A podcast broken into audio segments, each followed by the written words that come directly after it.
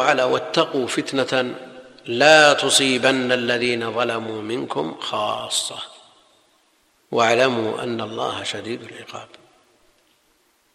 يقول القرطبي قال ابن عباس رضي الله عنهما أمر الله أن لا يقروا المنكر بين أظهرهم فيعمهم العذاب.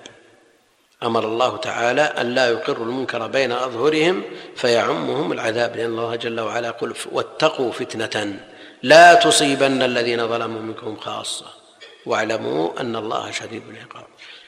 كيف نتقي هذه الفتنة؟ كيف نتقي هذه الفتنة؟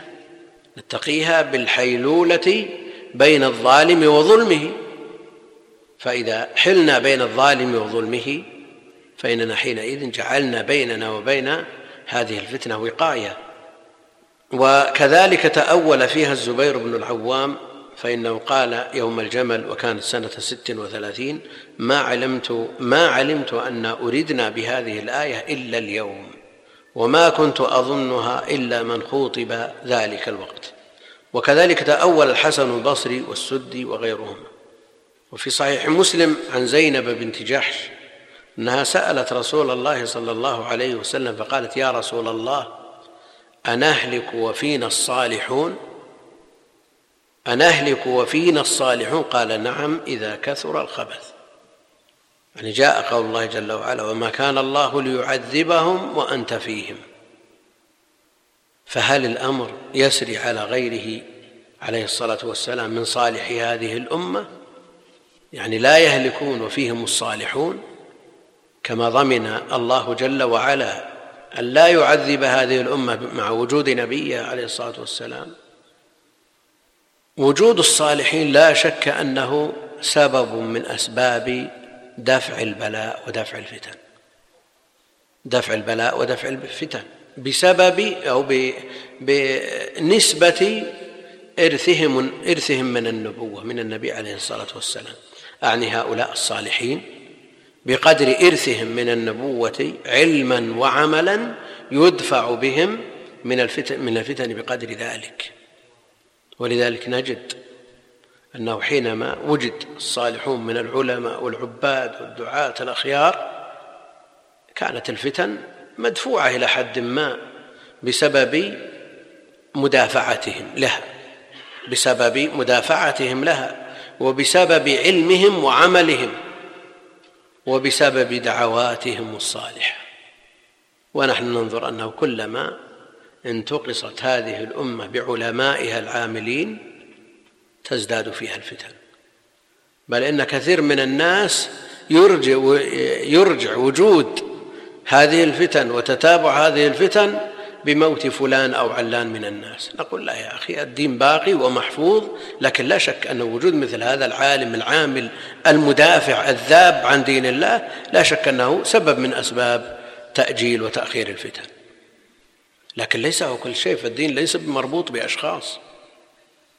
وأمة محمد عليه الصلاة والسلام كالغيث لا يدرى أوله خير أم آخر في صحيح مسلم عن زينب بنت جحش أنها سألت رسول الله صلى الله عليه وسلم فقالت يا رسول الله أنهلك وفينا الصالحون؟ قال نعم إذا كثر الخبث.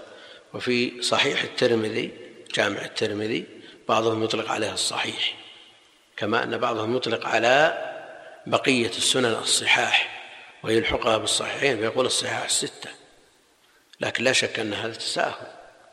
ولذا يقول الحافظ العراقي ومن عليها أطلق الصحيح فقد أتى تساهلا صريحا. يعني من أطلق الصحيح على الكتب الأربعة من السنن تبعا للصحيحين. لا شك أنه تساهل فيها الصحيح والحسن والضعيف. يقول وفي صحيح الترمذي إن الناس إذا رأوا الظالم ولم يأخذوا على يديه أوشك أن يعمهم الله بعذاب من عنده. إن الناس إذا رأوا الظالم ولم يأخذوا على يديه أوشك أن يعمهم الله بعذاب من عنده. لكن الأخذ على يد الظالم بحسب القدرة بحسب القدرة. وبالوسائل المحققة للمصلحة التي لا يترتب عليها مفسدة. لا بد من مراعاة القواعد العامة في النصيحة وفي الأمر بالمعروف والنهي عن المنكر. فالنصيحة إذا ترتب عليها معاندة وإصرار من المنصوح وخروجه عن جلباب الحياء وزيادته في الشر من أجل أنه نصح من قبل فلان أو علان لا بد أن يدرس الأمر بعناية. وكذلك الأمر بالمعروف والنهي عن المنكر إذا خشي أن يترتب عليه منكر أعظم منه فلا شك أن درء المفاسد مقدم على جلب المصالح. ومع ذلك لا بد من الإنكار بالمراتب الثابتة عن النبي عليه الصلاة والسلام. من رأى منكم منكرا فليغيره بيده. فإن لم يستطع فبلسانه فإن لم يستطع فبقلبه. لكن لا بد من التغيير. وأقل المراتب التغيير بالقلب. وفي صحيح البخاري الترمذي عن النعمان بن بشير عن النبي صلى الله عليه وسلم قال مثل القائم على حدود الله والواقع فيها كمثل قوم استهموا على سفينة فأصاب بعضهم أعلاها وبعضهم أسفلها. استهموا يعني بالقرعة أنت مكانك فوق أنت مكانك تحت وهكذا بالقرعة.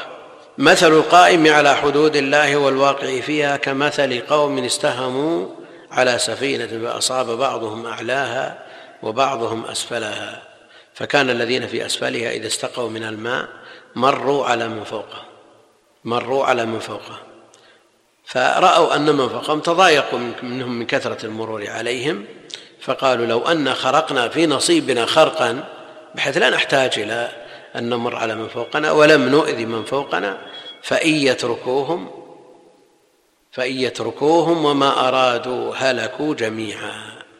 وإن أخذوا على أيديهم نجوا ونجوا جميعا. هذا المثل النبوي مطابق غاية المطابقة لواقع الأمة في هذه السفينة التي آه، تتلاطم الأمواج من حولها. تدفعها يمينا وشمالا وأحيانا إلى الأمام وأحيانا إلى الخلف فإن ترك المفسد يعبث لا شك أنهم يهلكون جميعا. وإن أخذ على يده وأطر على الحق نجا ونجوا جميعا. فهذا مثل مطابق. في هذا الحديث تعذيب العامة بذنوب الخاصة وفيه استحقاق العقوبة بترك الأمر بالمعروف والنهي عن المنكر. فيه استحقاق العقوبة بترك الأمر بالمعروف والنهي عن المنكر. لأنهم إذا كما تقدم في الحديث مسلم إذا ترك الظالم لم يأخذوا على يد الظالم أوشك الله أن يعمهم بعذاب من عنده. يقول القرطبي قال علماؤنا فالفتنة إذا عملت هلك الكل. وذلك عند ظهور المعاصي وانتشار المنكر وعدم التغيير وعدم التغيير. وإذا لم تغير وإذا لم تغير وجب على المؤمنين المنكرين لها بقلوبهم يعني لا يستطيعون التغيير باليد ولا باللسان أنكروا بالقلب. لكن هل يسوغ لهم أن يبقوا مع هؤلاء العصاة؟ يقول وإذا لم تغير وجب على المؤمنين المنكرين لها بقلوبهم هجران تلك البلدة والهرب منها. وهكذا كان الحكم في من كان قبلنا من الأمم كما في قصة السبت حين هجروا العاصين وقالوا لا نساكنكم. وبهذا قال السلف رضي الله عنهم. روى ابن وهب عن مالك إنه قال تهجر الأرض التي يصنع فيها المنكر جهارا ولا يستقر فيها أما إذا استخفى العاصي المذنب بجريمته فهذا لا يضر غير نفسه. الإشكال فيما إذا ظهر المنكر وأعلن ولم يوجد من يدافع أو من يدفع هذا المنكر. فحينئذ يوشك أن يعمهم الله بعذاب من عنده.